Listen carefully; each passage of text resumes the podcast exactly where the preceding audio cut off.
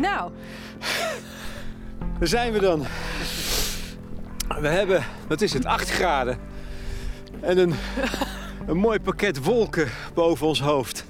En daarachter het heelal. Ik zie blauwe lucht, maar ook wat... Nou, ik geloof niet... De zon altijd. Daar schijnt de zon altijd. Ja? Voorlopig in ieder geval. Nog iets van 5 miljard jaar.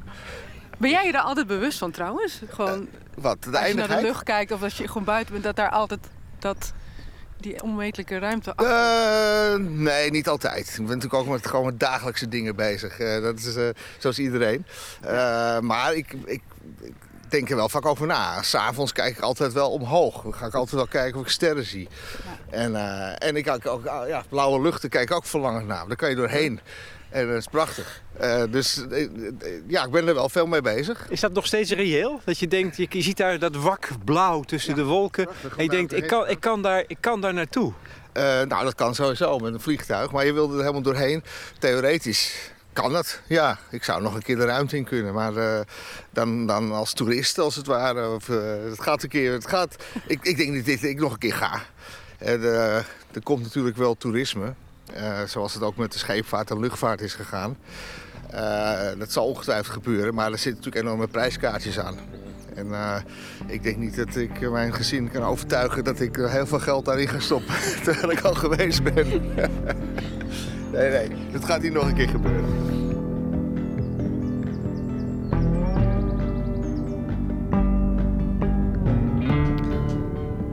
André Kuipers, arts-astronaut.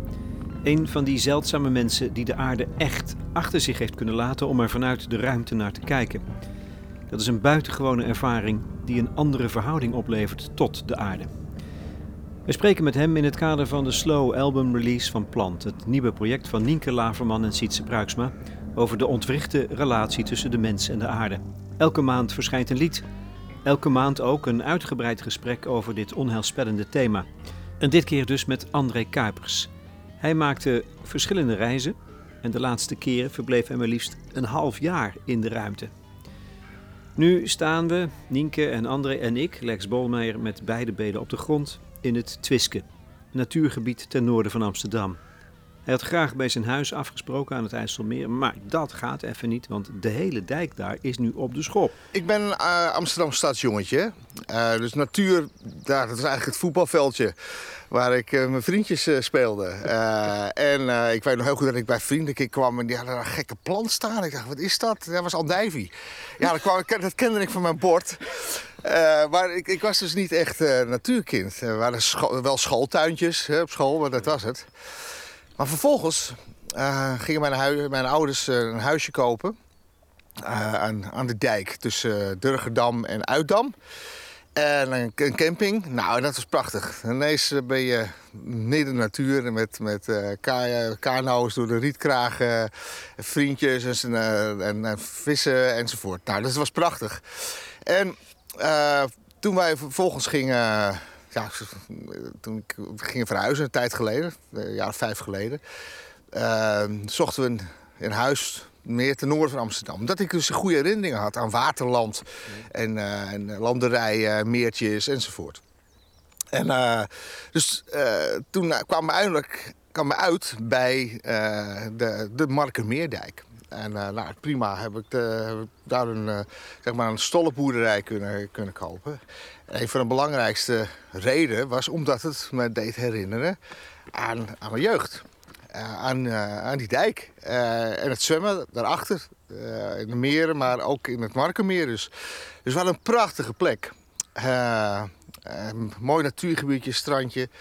Die hele dijk, het is een natuurmonument. Beschermd, officieel. Maar vervolgens ging, het, ging het mis, omdat op papier werd hij afgekeurd. de hele dijk tussen Hoorn en Amsterdam. En nou, is een hele strijd geweest tot aan de Raad van State aan toe. Van de bewoners, van bedrijven, van uh, natuurorganisaties, IJsselmeervereniging. Van, en ook van wetenschappers van de Technische Universiteit. Van, het is allemaal niet nodig. Die dijk hoeft helemaal niet afgebroken te worden. Dat kan je wel anders doen. Maar ja, dat is een moeilijke strijd. Want uh, kost 650, kost 650 miljoen euro ook nog een keer. Maar het is verloren en nu is het gewoon helemaal kaalslag. En er komt een hele ja, nieuwe dijk. Dus voorlopig kunnen we daar niet van genieten. En dat is natuurlijk doodzonde. Anders had ik jullie daar, maar, daar graag naartoe genomen. Dat is een heel mooi stukje wilde natuur was het eigenlijk. Is dat dus ook, wordt zo'n dijk afgekeurd omdat we denken... het water stijgt, ja, het is heel, dus heel, heel conservatief gerekend. En uh, met de, angst in het hoofd van uh, overstromingen. Dat, ja, dat werd dan ook gezegd. Ja, in 1916 uh, was de dijk doorgebroken en heel Noord-Holland kan onderlopen. Maar vind je, vind je het onzin? Vind je het overdreven? Ja, in 1916 was er nog geen... Was er nog ja, geen maar nu is er, is, is er iets als een klimaatontwrichting en een juist. stijging van de zeespiegel, André Kuipers. Precies. En dan moet je dus rekening houden met de wetenschappelijke berekeningen. En dat kan je heel conservatief doen Uh, maar je kan ook kijken wat, uh, wat, de ervaren mensen, de ingenieurs die daar verstand van hebben, wat die, wat die daarvan vinden. En ja, er was natuurlijk grote twijfel van is dit allemaal is dit wel nodig. dus het was te drastisch. Ja, dat is het idee. Maar goed, het is nu een gepasseerd station. En er komt dus een, ja, alle biodiversiteit is natuurlijk weg. Er komt een uh, lelijke uh, dode dijk. Dat is zonde. Terwijl het niet nodig was. Nou, het is hier aangenaam natuurlijk. Ja. Bij overal water, ook veel riet. Ja, het is hier prachtig. Ik ben ook veel met mijn kinderen hier geweest. Lekker zwemmen en een hartstikke lekker gebied. Maar wij willen eigenlijk van de aarde af, hè, Nienke? Ja, misschien moet ik uh, vertellen waarom ik jou heel graag wilde spreken ja. voor de Plant Podcast. Um, uh, met, met plant probeer ik eigenlijk ons als mens, ons westerse mens, uh, te bevragen. Wie zijn wij op dit moment? Hoe zien we onze plek op aarde eigenlijk? En waar, wat is ons nieuwe verhaal? Want we weten ook dat onze manier van leven niet houdbaar is. Uh, en ik heb wel gemerkt in dat hele proces van schrijven, nu van mensen spreken, dat het ontzettend helpt om uit te zoomen. om uh, ja, eigenlijk uit, uit onze individuele bubbels te breken. Uh, en dat grotere plaatje te, te bekijken. Ook uit, uit de waan van de dag te breken. En, en op lange termijn durven denken. Als een voorouder durven denken misschien wel. En uh, nou, ik heb ook gemerkt dat dat best wel lastig is voor ons allemaal. Maar toen moest ik op een gegeven moment aan jou denken. Ik dacht, jee, jij hebt gewoon het ultieme uitzoomen gedaan. Je ja. hebt de aarde verlaten een aantal keren en, en de aarde dus van grote afstand mogen bekijken. Nou, dat moet iets met je gedaan hebben, dus daar ben ik nieuwsgierig naar. Maar misschien even bij het begin nog beginnen. Uh, want ik las al dat je als jongetje al meteen fascinatie had voor de ruimte. En misschien al wel innerlijk wist van ik ga daar op een dag naartoe. Ik ben dan weer benieuwd. Het vind ik altijd ja. zo mooi dat dat er dan al, ja. dat dat dan al duidelijk is eigenlijk. Ik, ik, ik, ken het ook een beetje. Ik wist ook uh, mijn tweede al van uh, dat ik op het podium zou gaan staan later. Maar hoe uitte zich dat bij? Nou, dat was in de tijd dat ik dus op die camping zat, vlakbij Amsterdam, uh, in het Waterland. En uh, toen kocht mijn oma, die kocht drie boekjes uh, in een sigarenwinkel. Helaas rookte ze veel te veel. Want ja, anders was ze een stuk ouder geworden. Um, en die, dat waren boekjes van de Perry Rodan-serie. drie voor een gulden. Van die, van die stuiverromans. Deeltje 10, 11 en 12. En ja, dat was magisch. Ik, dat, dat, ik, ik, ik, verslond die boekjes. Ik ging ze allemaal tweedehands kopen, want ik had natuurlijk helemaal geen geld. Ik ging naar tweedehands boeken staan en elke keer als er een eentje weer terugkwam, dan ging ik ze kopen, die, uh, die, die boekjes. En uh, ja, en dat die ging heb ik verslond. ruimtevaart? Ja, dat ging over, dat waren avonturen van de mens, zeg maar, in het heelal. Uh, raketten, aliens, ruimtepakken. Die serie loopt nog steeds, hè? Ze zijn nu bij deel 3000 of zo. Ehm, Oneindig, bijna oneindig. Ja, ja, bijna oneindig. En daar gebeurde van alles in. Maar ook dingen die bijvoorbeeld met eh, geneeskunde te maken hadden. Er er werden wezels gemaakt met vier armen en eh, nou, noem maar op. Dus ehm, toen dacht ik, ik vind dat interessant, wat er in de toekomst gebeurt, de science fiction. Uh, en dat is ook een reden waarom ik geneeskunde uiteindelijk ben gaan doen. Dezelfde Mm. bron heeft dat. Combinatie eh, van een avontuur, eh, spannende dingen. eh, en, dus dat is eigenlijk de bron geweest, toen het Ja. op mijn twaalfde. Dat was in dezelfde tijd als eh, eh, de Thunderbirds op tv en, en autootjes op de maan rondreden. Bestond toen nog niet in Nederland. Hè, dat was allemaal iets voor Amerikaanse testpiloten. Ja. En, en er gebeurde ook iets in de Sovjet-Unie, maar dat was allemaal geheim. Eh, Maar, dat, maar, dichtbij. ja, maar dat, dat is dus een moment van dat je, dat je iets als magie ontdekt. Ja, het was magisch, Dat ja. je- en dat kan je niet afdwingen, toch? Dat, is, Nee, dat moet je over, overkomen. zo? Ja, ik, was, ik kwam helemaal in die science fiction wereld terecht. Eh, nou, ik ging naar films toe die ik soms helemaal niet begreep, maar ik vond het allemaal fantastisch. Eh, strips, boeken, eh, helemaal science fiction fan. Ehm, het was dus vooral het avontuur. Hè? Daar, en daarna kwam de schoonheid. Want ik zag op een gegeven moment kwam de Space Shuttle. En ik zag prachtige foto's en die, die IMAX-films en zo. En ik denk, wauw, het is niet alleen avontuurlijk, het is ook iets heel, iets heel moois. Het is, eh, ik, wilde die, ik dacht, ik wil die aarde vanuit de ruimte zien. Die blauwe bol en dat zwarte niks. Dat lijkt me fantastisch. En vervolgens kwam de derde reden. En dat was het nut. Want ik merkte, hey, die ruimtevaart wordt voor van alles gebruikt. Dat is nuttig. Hè, het is eh, samenwerking. Iedereen eh, doet dat voor de hele planeet. En we gebruiken het allemaal. Dus die combinatie avontuur, schoonheid, nut. Dat is waarom ik die kant op wilde. Zelfde reden waarom ik geneeskunde wilde doen. Het avontuur van spannende zwaarlichten op een regenachtige avond, eerste hulpwerk. De schoonheid, hè, als je mee hebt met een oogoperatie of ik, ik, hoe, het- hoe het lichaam werkt, vond ik altijd prachtig. Eh, en natuurlijk eh, duidelijk het nut. Dus die, die combinatie van die drie heeft, het was de bron van beide richtingen. En uiteindelijk ben ik die gaan combineren ook nog een keer. Ja, Ja. dat is mooi. En dan komt dan zo'n moment, op een gegeven moment de dag dat je voor het eerst de aarde verlaat.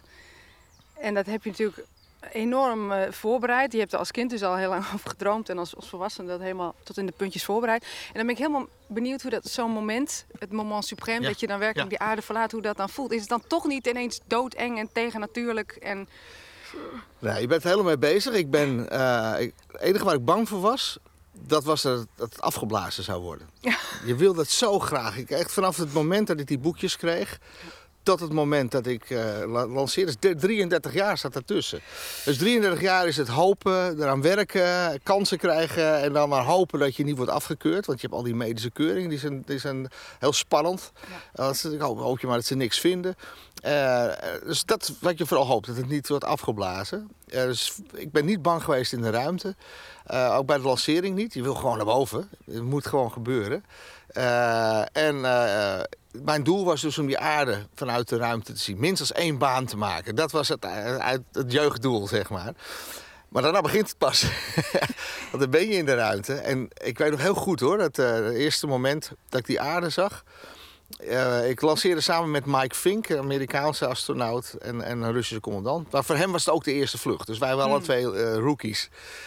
En op 80 kilometer hoogte ongeveer, dan gaat het omhulsel eraf. Want er zit zo'n omhulsel omheen voor de aerodynamische krachten. Dat de antennes er niet afwaaien en zo. En boven de 80 is de lucht zo dun, dan kan het omhulsel eraf. En dan kan je naar buiten kijken. Want dan heb je een raampje vlak naast je hoofd. En bij mij kwam de zon naar binnen, dus ik kon niet veel zien. Maar mijn collega die riep, André, look. Dus ik draai mijn hoofd naar zijn kant te kijken. En naast zijn hoofd heb ik zijn raam. En ineens zie je dat die blauwe kromming. En daarna zwart. En dat, is, dat kan je op aarde niet zien. Nee. Dus je ziet dus een, een, een- die blauwe eh, kromming van die bol. En daarna zie je het zwarte heelal. En dat, ja, dat was een magisch moment. Dan ben je nog niet hoor. Dan moet je nog een heleboel dingen doen en actie voordat je dan in een baan komt. Maar dat was Ja. het eerste eh, moment dat ik dacht, wauw. Want Ja. je, kan- je kan denken, eh, eh, bij hoge verwachtingen, nou, dan vallen ze bijna altijd tegen. Hè? Jij had hier zo naartoe geleefd, 33 jaar, dat je denkt, ja, dan zie je het. Dat had je ook kunnen teleurstellen. Of er gebeurt niks met mij. Nee, dat zeker, zeker. Het is, kijk, heel veel mensen, dre- mensen dromen van een eh, prachtig wit palmenstrand.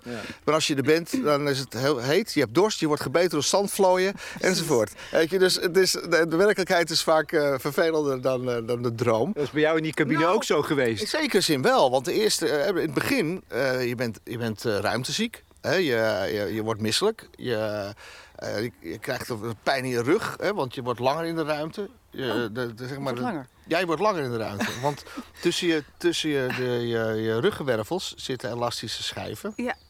Die zijn elastisch, hè, om te kunnen be- bewegen en, eh, en springen enzovoort. Eh, en die worden nu in elkaar gedrukt.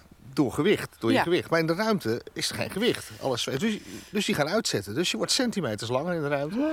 Dat geeft een raar gevoel Het is gewoon rug. pijn. Ja, dat geeft een raar gevoel. Ik ging me expres schrap zetten tussen twee muurtjes om een beetje kracht te Dus in het begin moet je echt aan wennen. Dus je bent misselijk. Je hebt een vol gevoel in je hoofd, alsof je verkouden bent. Want heel veel vocht uit je onderlichaam gaat zich herverdelen. Dus de eerste dagen denk je, wat ben ik aan begonnen? Dat is helemaal niet prettig. Eh, maar ja, je lichaam past zich aan en daarna voel je als een vis in het water. Maar in het begin voel je dus niet lekker. Het is ook heel hard werken. Elke seconde zit vol. En zeker op mijn eerste vlucht, hè, die was maar kort, eh, dan elke minuut is volgestopt. Dus het, gevolg is dat je gewoon heel geconcentreerd aan het werken bent en geen fout wil maken. En eigenlijk niet meer door hebt waar je bent. En dan heel af en toe kon ik eh, een rustige module door het raam kijken. En dan naar buiten ken- kijken. En toen, dan besefte ik ineens van, oh wacht even. Kon het Daar is de doordringen. aarde en ik ben hier, ik hoor er niet bij. Ik zweef hier los van die planeet. Eh, en dat was heel apart. Maar dat heb ik dus niet vaak, die momenten. Het is gewoon werk natuurlijk Ja, ja. ook. Je bent gewoon druk bezig. Maar tijdens het half jaar dat je... Dat, precies, dat is ook de reden waarom ik graag terug wilde. Ik dacht van, wauw, ik, moet, ik wil hier langer zijn. Ik wil hier echt leven in de ruimte. En, eh, en die kans kreeg ik. Hè. Ik Want- kon een tweede vlucht maken. Waarom dan? Waarom, waarom dat? Want het is een, vind Ja. ik, leven in de ruimte is echt iets anders dan er naartoe gaan Ja. en kijken. Ja, duidelijk. Wa- Ja. Wat verwachtte je daar dan van? Nou, ik wil, wat ik heel erg erv- eh, ervaarde in die, eh, op die eerste vlucht al, dat ik eh, naar buiten keek. En dat ik een, twee, twee, twee heftige gevoelens. De een was, ik ben onderdeel van iets veel groters. Dat weet ik wel. Ik, weet, eh, ik bedoel, ik, ik weet dat ik op een bol woon en ik ken het verhaal. dus Ik weet hoe het zit. Maar als ik nu naar buiten kijk, kijk zo om me heen, is de aarde is gewoon plat en de lucht is oneindig. En vanuit de ruimte merkte ik, ik, ja, ik vlieg hier om een bol heen. En, en er komt, Venus komt op en, en, en Mars. En er een komeet tijdens onze vlucht die tevoorschijn kwam. En de maan en dan vlieg je er onderdoor. En dan denk je van, je bent onderdeel van iets veel groters. Ja, mensen die religieus zijn, zullen het een religieus gevoel noemen. Maar ik noem het dan maar een kosmisch gevoel. Het gevoel dat je onderdeel bent van iets veel groters. En eh, dat was, ja, overweldigend Ontroert je dat gevoel. dan? Ja, of- of Ja, wat? het, ja, het was een soort oh, ja, een openbaring als het ware. Van iets wat ik wel wist, maar dat ik nu ineens kon voelen. Eh, dat was het ene heftige gevoel, dat is een kosmisch gevoel. Het tweede was claustrofobisch, maar niet voor mezelf. Eh, ik heb geen gevoel gehad dat ik opgesloten was. Ik heb geen claustrofobisch gevoel. heb ik niet gehad. Eh, ik heb collega's gehad die naar buiten keken en bang werden van, van de diepte van het heelal. Eh, Ja. maar- ik heb geen angsten, angstgevoelens gehad, maar wel claustrofobisch gevoel voor de planeet. Voor ons. Voor de planeet. Nee, serieus. Want je kijkt naar beneden. Ik weet nog heel goed, ik vloog over India. En ik dacht van, eh, wauw, er woont een miljard mensen. En die denken allemaal dat de aarde oneindig is. Maar voor anderhalf uur kan ik ze alweer zien. En de, de aarde werd ineens heel beperkt. Eh, als, je, als je recht naar de aarde kijkt, dan is hij heel majestueus. Prachtige kleuren, rode woestijnen in Australië, turquoise wateren bij de Bahama's, eh, prachtige gele hoogvlaktes van Tibet enzovoort. Heel mooi, maar zodra je er langs kijkt, dan, dan zie je ineens dat zwarte hel. En dan heb je het gevoel dat de aarde ineens schrompelt. Dat het een soort levende cel wordt die daar maar hangt. In, een heel vijandig heelal. Het heelal is heel dreigend. En dat voel je ook. Het is een soort, soort zwarte deken eh, waar we in zitten. Het is, het is vacuüm natuurlijk. Eh, het is eh, straling, heel grote temperatuursverschillen. Het is een on- een aangename plek. We kunnen daar niet leven. Dus en ineens wordt die aarde een soort levende cel. Dat heb je, met een heel dun membraantje. Ik had echt het gevoel van als ik hard blaas, dan vlieg ik, vlieg ik zo, blaas ik zo die hele dampkring eraf. En, en je bent er anderhalf uur omheen. Heel veel zoutwater, heel veel hooggebergte, heel veel woestijn. Vruchtbare grond is eigenlijk maar heel beperkt. Eh, maar dat, dat voelde ik. Ik denk van jeetje, als we, als we het verknallen. Hè, of, het, of het raakt beschadigd door iets dat uit de ruimte op ons valt of zo. Maar als wij het daar beneden verknallen. Door een atoomoorlog of een virus. Of, hè, dat, dan we kunnen nergens anders heen. We hebben geen ontsnapping. Hè, We kunnen wel naar Mars. Natuurlijk, ongetwijfeld gaan er straks eh, astronauten op Mars rondhuppelen. Maar dat is het dan ook. Het is niet een oplossing. En dan denk je, dit is alles. Het is gewoon een. een daar, toen begreep ik ook heel goed die, die term ruimteschip aarde. Hè, die in de jaren 60 kwam. Met Apollo 8 in 1968 natuurlijk. eh, de eerste mensen die de aarde zagen opkomen. Konden we toen mensenogen zien wat we weten. Maar dan kon je het ineens voelen. En er, er werd ook gezegd, nou de aarde is een, is een ruimteschip. met beperkte voorraden. En wij zitten daarop, op dat ruimteschip wat rond de zon draait. En that's it, we kunnen niet weg. Nou, dat gevoel, eh, eh, een soort claustrofobisch gevoel voor je planeet. Dus dat zijn twee heftige, ja, overweldigende sensaties die je krijgt. Zo. Eigenlijk moet iedereen gewoon eh, een paar weken op vakantie elk jaar... om te zien hoe mooi die planeet is en hoe beperkt. Ja. Want ik heb Ja, begrepen van eh, Marjolein van Heemstra, die schrijft over eh, ruimtevaart. Ehm, maar misschien is dat ook wel jouw vraag hoor, eh, Nienke. Dat als je van zo, van zo grote afstand kijkt, dan zie je de aarde als geheel. Ja. Als bol. Ja. En het is een, aan de ene kant claustrofobisch, omdat we op zo'n smalle richel leven Ja, eigenlijk. ja, ja. Maar aan de andere kant worden sommige astronauten bevangen door een intens gevoel van liefde. Ja. Opeens. En dat noem jij openbaring. Maar omdat je hem opeens in zijn geheel kunt zien. Heb, heb jij dat ook gehad? nou, je ziet hem niet zo geheel, in zoverre niet als geheel. Dan moet je echt richting de maan. Hè? Dat was in 1972 voor het laatst. Eh, maar je, je, je vliegt duidelijk om een bol heen. Eh, als je naar buiten kijkt, dan is de aarde soms weg. En dan denk je, waar is die? Nou, dan zit die, hangt die boven je. Hè? Want afhankelijk van hoe je naar buiten kijkt, eh, is de aarde boven je of onder je of naast je. Het is puur visueel geworden. Maar dat is precies het, het, het uitzoomen wat helpt. Ja, nou ja, je krijgt het, het- wat je zegt, ja. Ja. Je krijgt dat eh, totaalplaatje. Ja. Dat, is ook, hebben ze ook het, overview effect genoemd. Dus je krijgt eh, het, totale beeld van die hele planeet te zien. Ik heb je een, een nummer gestuurd. Ja. Twee nummers eigenlijk. Your Ancestor, de eerste single. Maar ook eh, het nummer wat we deze maand eh, voor het eerst uitbrengen. Gravity Rules. Ja. Nou, obvious dat die naar jou ging natuurlijk. Ja. Eh, voor we het over gaan hebben, ga ik gewoon eerst een stukje zingen. Doe ik altijd. Oh, fantastisch. Leuk. This is where, this is where we share an existence truly rare. On this planet full of plants, trees, countless beings crawling out of land and seas.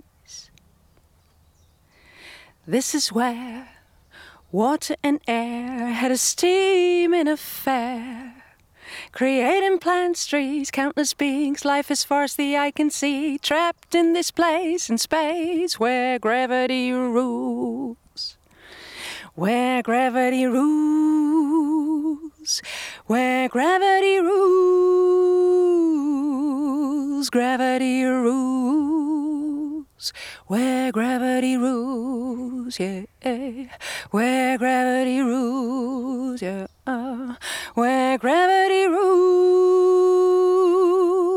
gravity rules, where gravity rules.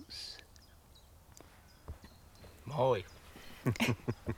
Trapped in this place in space, Ja, moest ik nou ja, net denken ja, aan jouw verhaal. Ja, daar zitten we, we zitten ook gevangen natuurlijk op deze planeet. Ja, We hebben geluk dat deze planeet niet net iets groter is.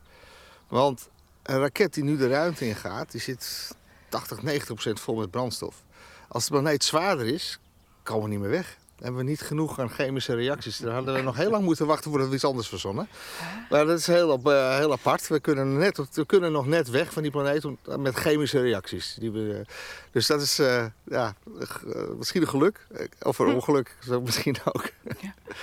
En mijn gedachte achter dit nummer, ja, dat mogen waarschijnlijk duidelijk zijn van... eh, laten we vooral niet vergeten, ook waar we ook met z'n allen toe in staat zijn, zeg maar. Dat we volgens mij wel moeten accepteren dat voor ons geldt gravity rules. Dat we hier horen. En eh, vooral niet moeten vergeten dat dit volgens mij een unieke plek en een onvervangbare plek voor ons is. Maar er zijn bijvoorbeeld ook eh, mensen zoals eh, Elon Musk. Volgens mij is dat op dit moment de rijkste man ter aarde. In ieder die, geval een van de... veel van zijn geld investeert in de ruimtevaart. Maar die de, de ruimtevaart ziet als een oplossing om nou ja, onze, eh, de bedreigingen voor, van ons bestaan op aarde. eh, hij zegt, ja, volgens mij ligt de oplossing in multiplanetair leven. Je zei er net al iets over, maar eh, hoe kijk jij daar tegenaan? Ja, nou, ik snap zijn uitgangspunt wel. Eh, je voelt je, moet je voorstellen, als je een diersoort bent die maar in één biotoop leeft, ben je heel kwetsbaar. Ja. De panda's of de berggorilla's die zijn er alleen nog maar dat we ze zo aardig vinden. Anders waren ze al lang weggestuurd voor theeplantages of wat dan ook. Maar als je een diersoort bent die in eh, veel biotopen leeft, ratten, kakkerlakken, mensen. Sorry voor de vergelijking, maar dan doe je het overal goed. Dan kan je overleven. Nou, de aarde is natuurlijk maar één biotoopje. En als de aarde stuk gaat, dan is het gebeurd. Dus vanuit zeg maar, evolutionair of biologisch standpunt, hm. wij zeggen een soort is veiliger als hij op meerdere plekken zit.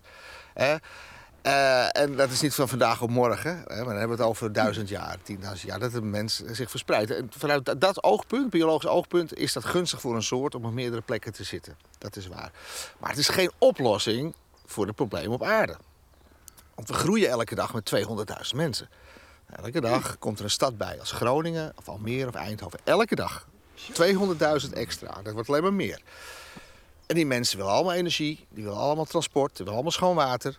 En willen allemaal voor de kinderen zorgen, allemaal eh, heel natuurlijk. Alleen, de aarde wordt niet groter. En dat is, en dat, dat is een enorme druk op de planeet. Dus het idee van ja, we gaan naar Mars en uh, dan gaan we daar verder dat werkt dus niet. Want dan zou je elke dag al 200.000 mensen moeten lanceren of zo. Dus dat is niet de oplossing. Nee. Maar uh, op, op, de lange duur, biologisch gezien, evolutionair gezien, voor de, voor de soort, zeg maar, eh, hm. is dat de, een, een, een, gunstige oplossing. Uh, maar voor onze problemen hier zouden de ruimte op een andere manier kunnen gebruiken. Daar geloof ik wel in.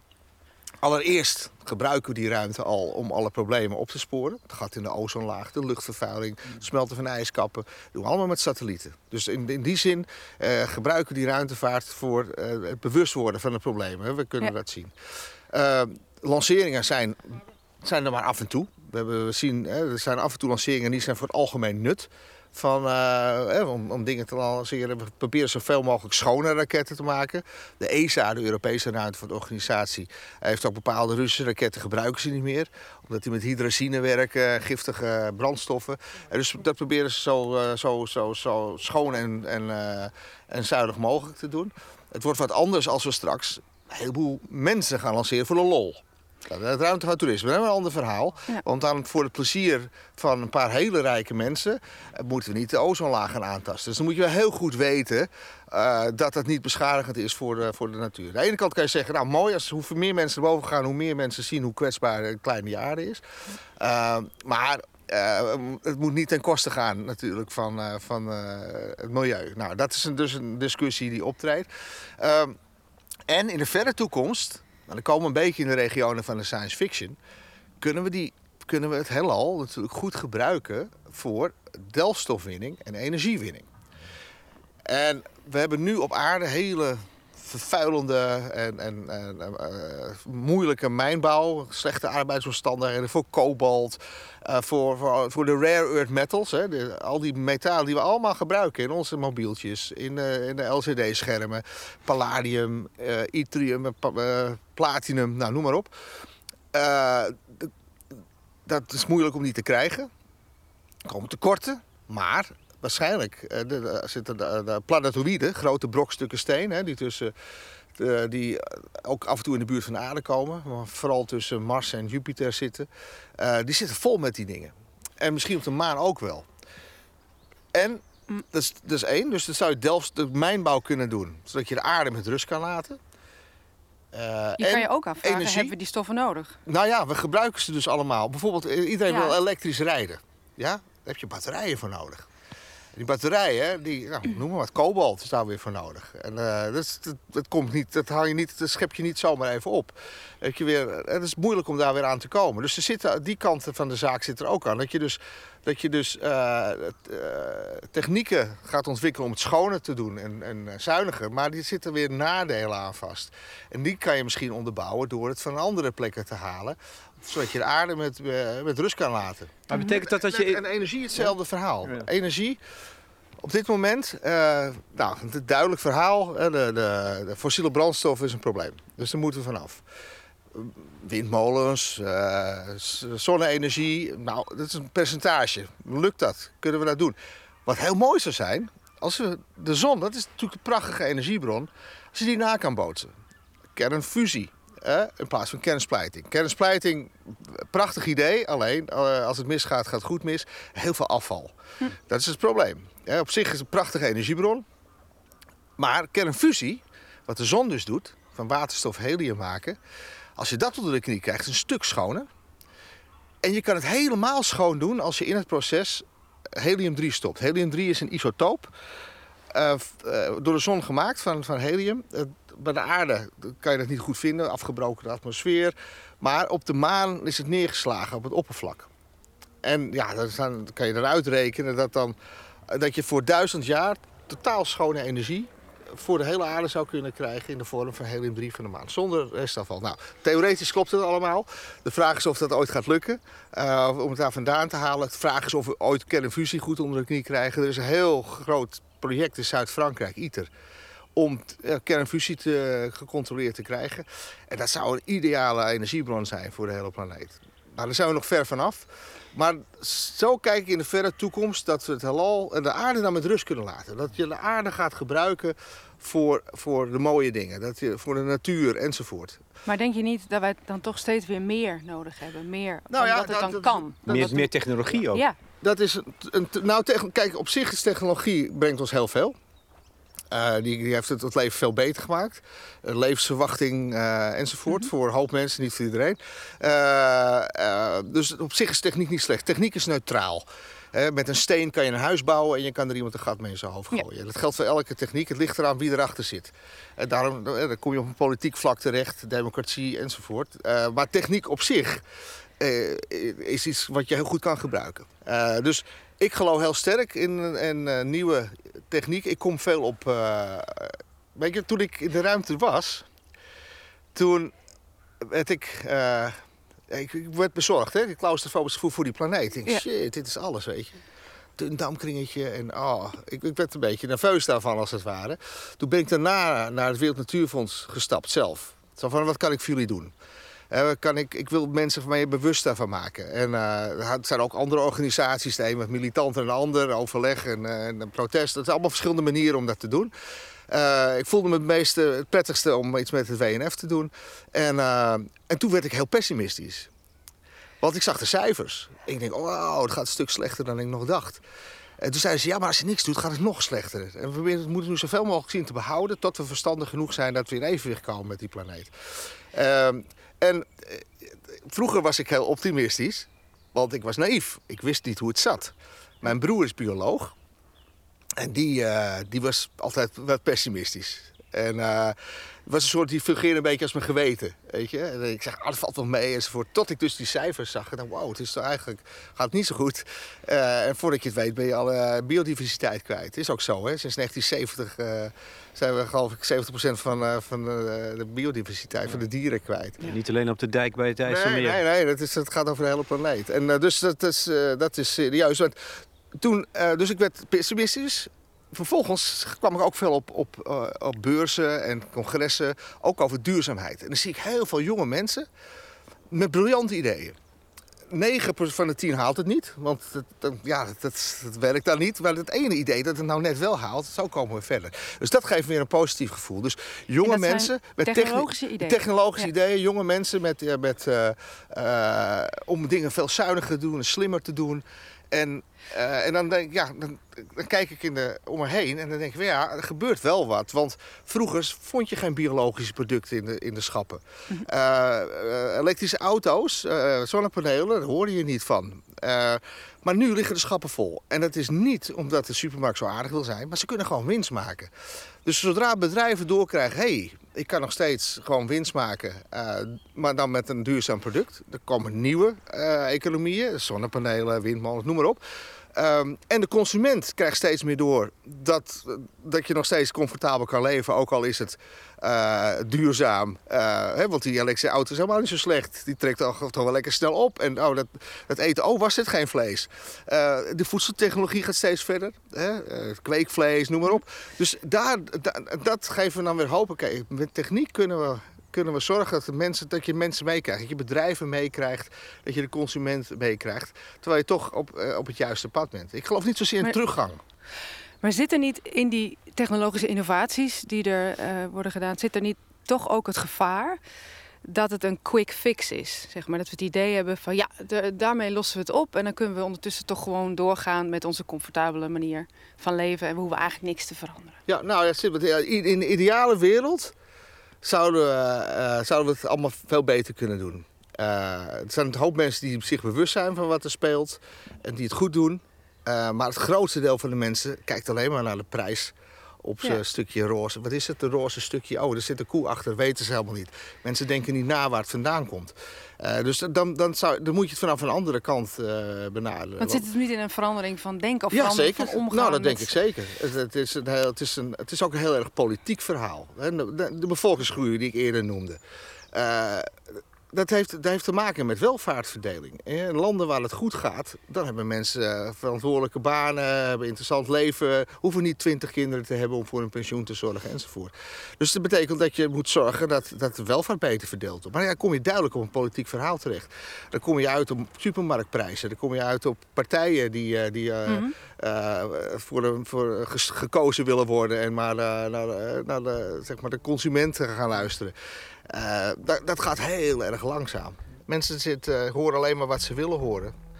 En ja, dan kom je eh, op verlicht eigenbelang. Je moet zorgen dat, dat mensen in hun eigen belang doorkrijgen dat je, dat je niet de oceaan moet leegvissen. Omdat je dan volgend jaar geen, niks meer kan vangen bijvoorbeeld. Dat je niet alle bossen moet kappen enzovoort. Dus eh, verlicht eigenbelang, ik denk, eh, helaas, het is niet ideaal, maar ik denk dat dat een, eh, is hoe we zeg maar, de, de tij een beetje kunnen keren.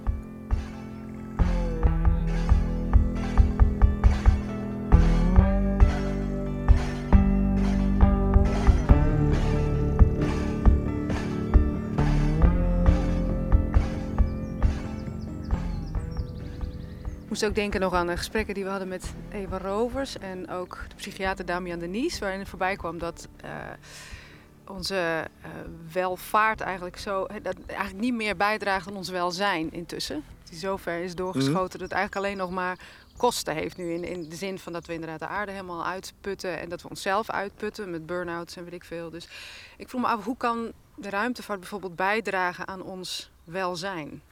Nou, eh, ik denk vooral met bewustwording. De, Nederland is er overigens goed in. Die maakt hele goede sensoren om bijvoorbeeld de luchtvervuiling heel, heel gedetailleerd in kaart te brengen. Zodat je ja, kan pinpointen waar er problemen zijn. Ook individuele vrachtschepen die heel vervuilend zijn. Eh, die kan je gewoon uitvissen enzovoort. Eh, dus ik denk dat dat het belangrijkste is op dit moment. Kijk, wat ik net zei van delfstofwinning en energiewinning, dat is echt ver in de toekomst. Hè. Daar zijn we helemaal nog niet mee bezig. Het is allemaal verkennen.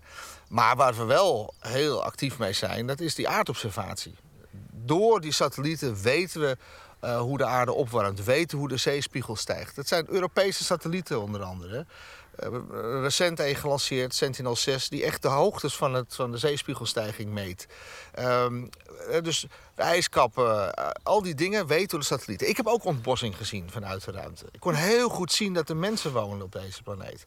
Gewoon landbouwgrondjes, maar ook de, de Palmeilanden van Dubai, de afsluitdijk. Menselijke activiteit kan je zien. Condensstrepen van vliegtuigen, zie je over de hele planeet lopen. Maar ook luchtvervuiling, heel sterk. Eh, bosbranden. En dan zie je in Amazone of in Indonesië of in Afrika... ze hebben van die graadstructuren. Hè, waar weggetjes gegraven worden en langs die weggetjes verdwijnt, verdwijnt het regenwoud. Ehm, maar ik zie maar een momentopname. Eh eventjes in één klein stukje golflengtegebied. Met satellieten kan je veel beter kijken over de tijd. Dan kan je decennia lang zien hoe dat verdwijnt. Nou, dat zijn natuurlijk eye-openers. Dat is informatie waar organisaties en hopelijk ook overheden... maar ook algemeen publiek wat aan heeft. Van, oh, dan kan je het echt zien. Je moet, je moet mensen... Kijk, ik, ik, ik wil alles wetenschappelijk vastleggen. Het moet bewezen worden. Als je het niet bewijst, dan, dan kan je er niet vooruit gaan. Dus je moet wetenschappelijk bewijs hebben. En daar zijn die satellieten zo goed in. Jij hebt gezien hoe kwetsbaar we zijn. Door, nou ja, hoeveel kilometer ben je al ver weg. Hè? Dus je moet heel veel afstand nemen om dat te zien. Ben jij als mens ook kwetsbaarder geworden daardoor? Ah, Het heeft me wel veranderd. Ik al zei, ik was eh, eerst optimistisch door naïviteit. En toen, en toen, ik, eh, veel, toen werd ik veel realistischer. Ehm, ik besefte ook wel dat, dat, je de, dat ik de natuur miste. Ik was gek op de natuur. Ik, ging, hè, ik vind het prachtig. Ik ben, eh, eh, in oerwouden of, of oceanen onder water duiken. Ik vind het schitterend. Dus ook dat is een, een magisch mysterie. Ja, ja, ja, daarom. Ik vind het heerlijk om te duiken. En, eh, de, mensen die niet snorkelen of duiken, die missen de helft, halve planeet. Het is zo bijzonder onder water. Dus, maar in de ruimte miste ik dat. Uh, daar werd ik me ook van bewust. Ik denk van ja, het is hier alleen maar kunststof, metaal, lawaai van machines. That's it. Ze mist de natuur. Mijn Russische collega stuurde mij een bestandje met vogelgeluidjes. Gewoon om vogeltjes te horen. En mijn Amerikaanse collega die had van de groene plastic strips van, uh, van de voedselpakketten... had hij een soort kelpbos gemaakt. En een van de modules was een soort onderwatergrot voor ons. Overal van die groene strips. En dan kon je als, zeg maar, als zeeleeuw erheen zweven. Alsof je... En omdat je natuur mist. En hij had wat zaadjes meegesmokkeld van een courgette. En die lieten we ontkiemen. En had je stiekem in een hoekje had je wat plantjes. Een soort heilige plek, want dat was de enige natuur aan boord. Dat heb je dus echt nodig. Ja, nou ja, ik, kan, ik, ja, je hebt, ik, ik heb natuur wel nodig. Ja, ja. En mooi dat je zegt, het is een heilige plek. Een soort heilige plek, ja. Dat was de enige natuur die Sacraal. Moet ja, eigenlijk wel. En eh, op mijn eerste vlucht uh, er komen af en toe uh, uh, er komt vrachtschepen op bezoek hè, met, met vers ah. voedsel. Uh, maar wat ze dan doen, dan gaan ze in voor de Russische vrachtschepen gaan ze even naar de markt in Baikonur. En dan kopen ze gewoon wat vers fruit. En dat stoppen ze in het vrachtschip voor ons. Zodat je een paar dagen vers spul hebt. En er staat ook een ui bij. Ja, die kan je prachtig met rust laten. En dan heb je plant. dus dan liet je er ontkiemen. En, uh, dus dat was, uh, ja, dat was, het, het, werd iets heel bijzonders. Gewoon om, om, levende, om iets levends aan boord te hebben. Ja, ik heb het niet over alle microben en schimmels die er natuurlijk ook zijn. Maar echt planten. Ja. ja. Geweldig. This is where, this is where we share an existence truly rare. On this planet full of plants, trees, countless beings crawling out of land and sea. This is where water and air had a steaming affair.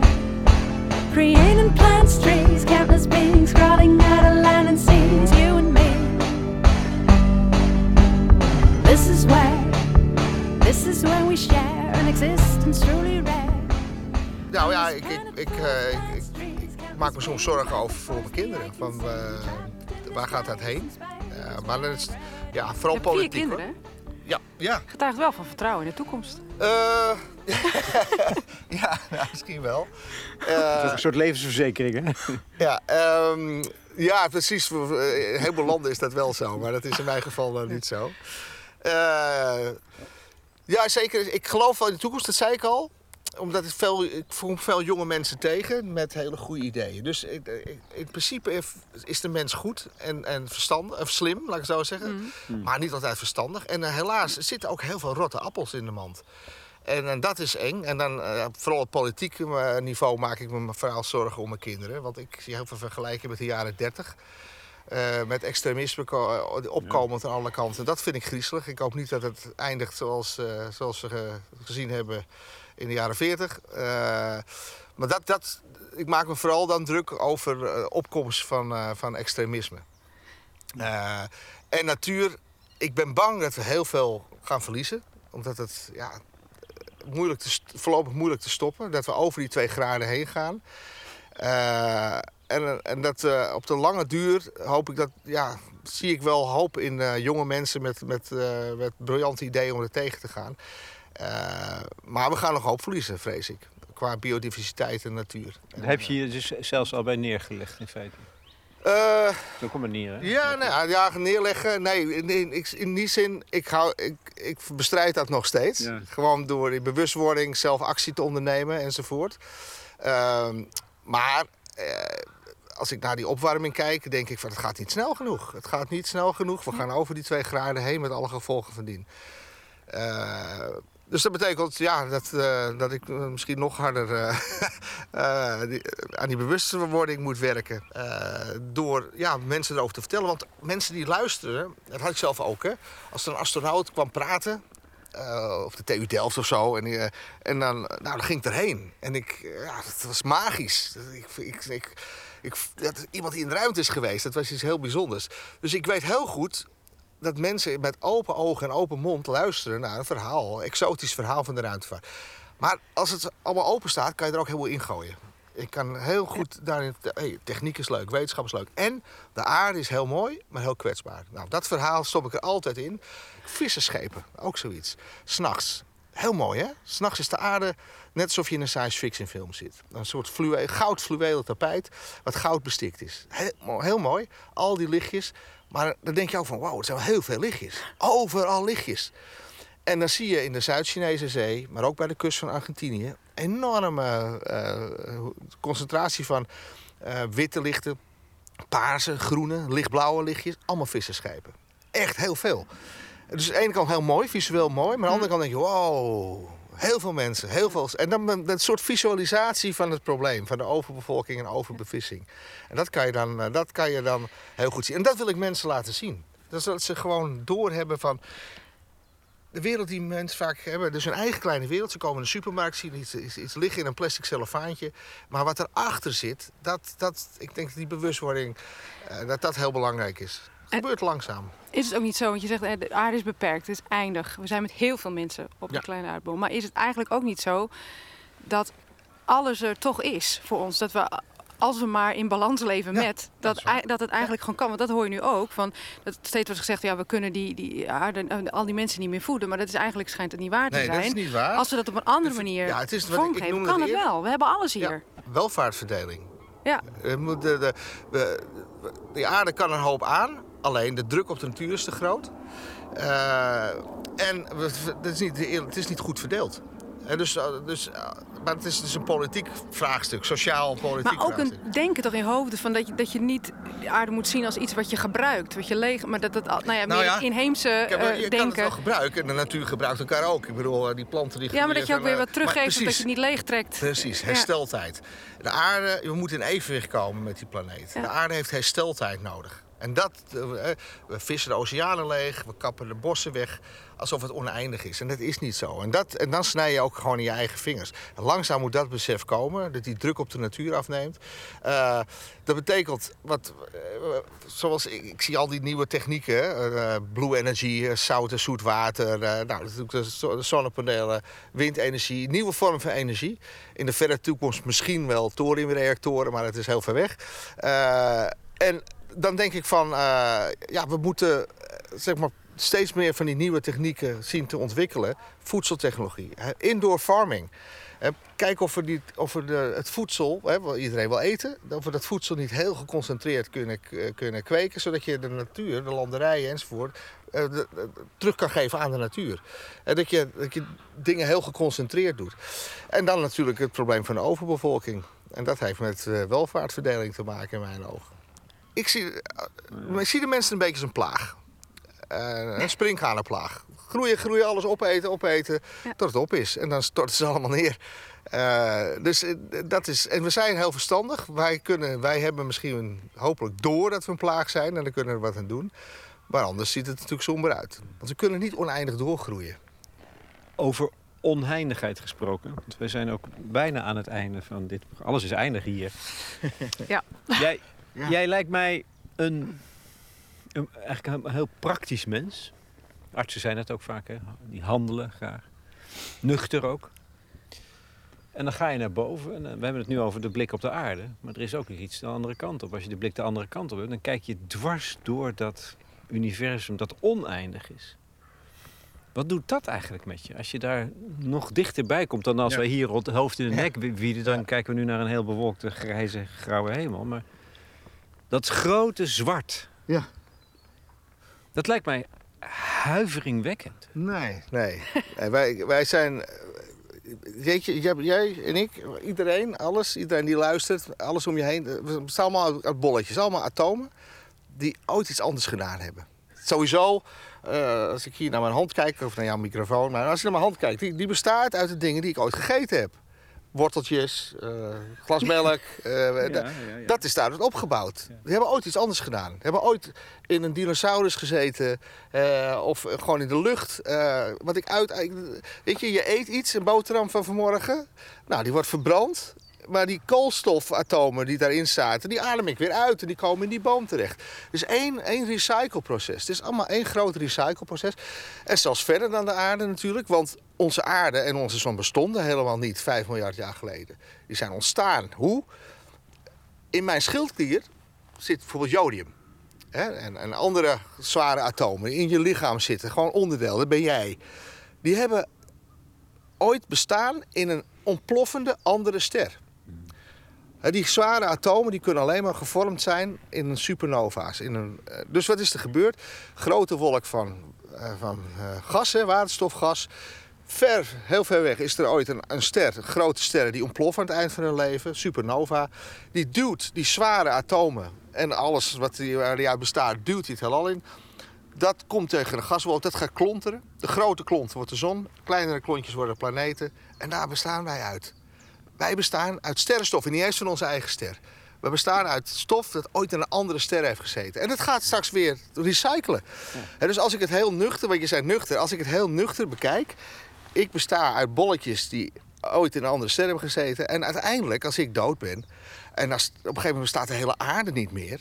De zon zwelt op. De aarde wordt opgeslokt. Op een gegeven moment is het, allemaal, is het weg. Dan ben je onderdeel weer van het universum.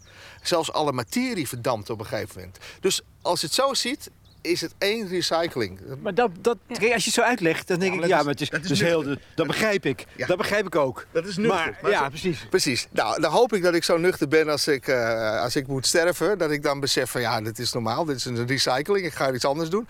Eh, Maar biologisch gezien, wij hebben natuurlijk angst voor de dood. Waarom? Als we die niet hadden, dan bestonden we niet eh, ontstaan. Dan waren we al lang opgegeten door dieren die ons opgevreten hadden. Dus dat is biologisch aangeboren. Om je kinderen te beschermen. Om, om eh, eh, bang te zijn voor, voor, voor pijn, voor, voor, eh, voor de dood. Want ja, als je dat instinct niet had, was je er helemaal niet. Eh, dus, en dat, dat, dat zit natuurlijk in ons. Hè? Dus dat is het, zeg maar, het primitieve wat we natuurlijk bij ons hebben. Gelukkig, want anders bestonden we überhaupt Dat heb je daarboven ook, denk ik. Nou, dat heb je daarboven ook. Ik was natuurlijk eh, bij de, eh, als je daarboven bent, eh, een van de spannendste dingen is de terugkeer. Eh, want je draait met 28.000 km per uur om die planeet heen. Eh, die snelheid heb je erin gestopt met een hele grote raket. Maar je hebt geen raket om eruit te halen. Dus als je niks doet, blijf je altijd rondjes draaien. En dan op een gegeven moment is je zuurstof op, zeg maar. Eh, maar dan moet je, rem je af met een klein motortje. En dan rem je als een eend op het water, rem je af in de lucht. Zo raak je je snelheid kwijt. Dat geeft wrijving, het wordt 2000 graden. Nou, dat is wel een heel spannend moment. Ik ben er niet bang voor geweest, maar ik, ik dacht wel van... Weet je, de, de vlammen schieten langs het raam. Dus als een vuurbal schiet je eh, door die dampkring heen. Eh, achterwaarts val je. Eh, dan zie je zo die vlammen langs het raam schieten. En voordat ik mijn ruimte, eerste ruimte had, was ik een tijdje aangewezen om, eh, door, door de ESA. Die wilde mij op een shuttlevlucht hebben. Dat is de shuttlevlucht die verongelukt is. Dus en een jaar later eh, vloog ik zelf. Of twee, twee, twee jaar later was het, vloog ik zelf.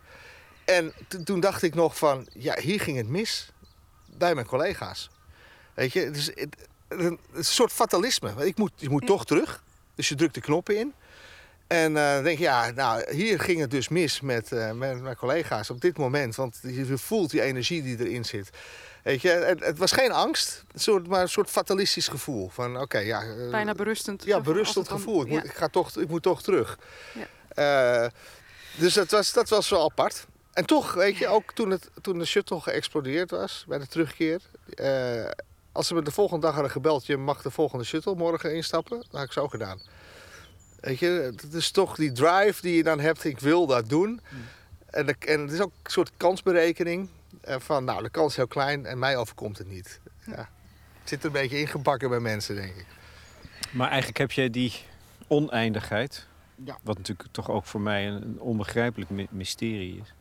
Die heb je eigenlijk teruggebracht tot en een cyclisch proces en biologie. Ja.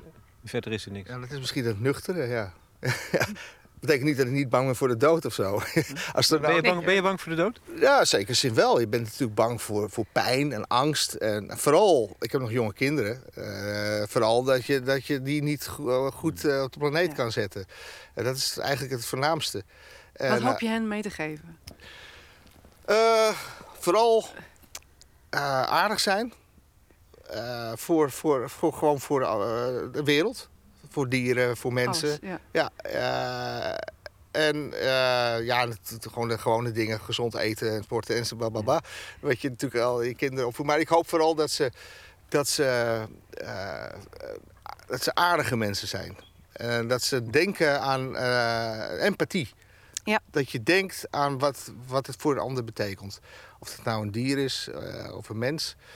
Ik denk dat dat een hele belangrijke is. Ik, ik realiseer me nu pas dat in het woord aardig ook de aarde zit. Ja, leuk. Ja, dat is goed. Dat is mijn prachtige afsluiter. Laten we aardige mensen zijn. Ja. Dankjewel, André Dankjewel, André, Kuipers. ja. Met plezier. En we vergeten nooit een ui mee te nemen. Prachtig plantje. One big happy family of molecules, molecules. Who's the hero? Who's the fool? Whether we play fair or cruel, trapped in this place in space where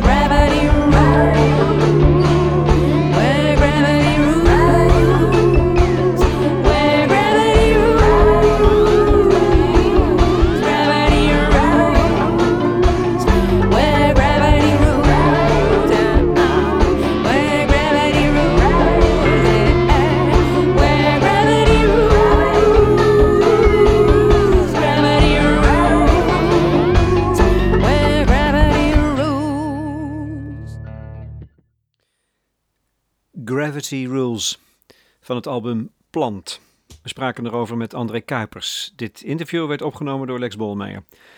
Gravity Rules is het zevende liedje dat Nienke Laverman uitbrengt in het kader van de Slow Album Release. In september van het jaar zal het hele album, gemaakt met Sietse Pruiksma, verschijnen als cd. En als voorstelling zal Plant in première gaan op 15 oktober in De La Mar in Amsterdam.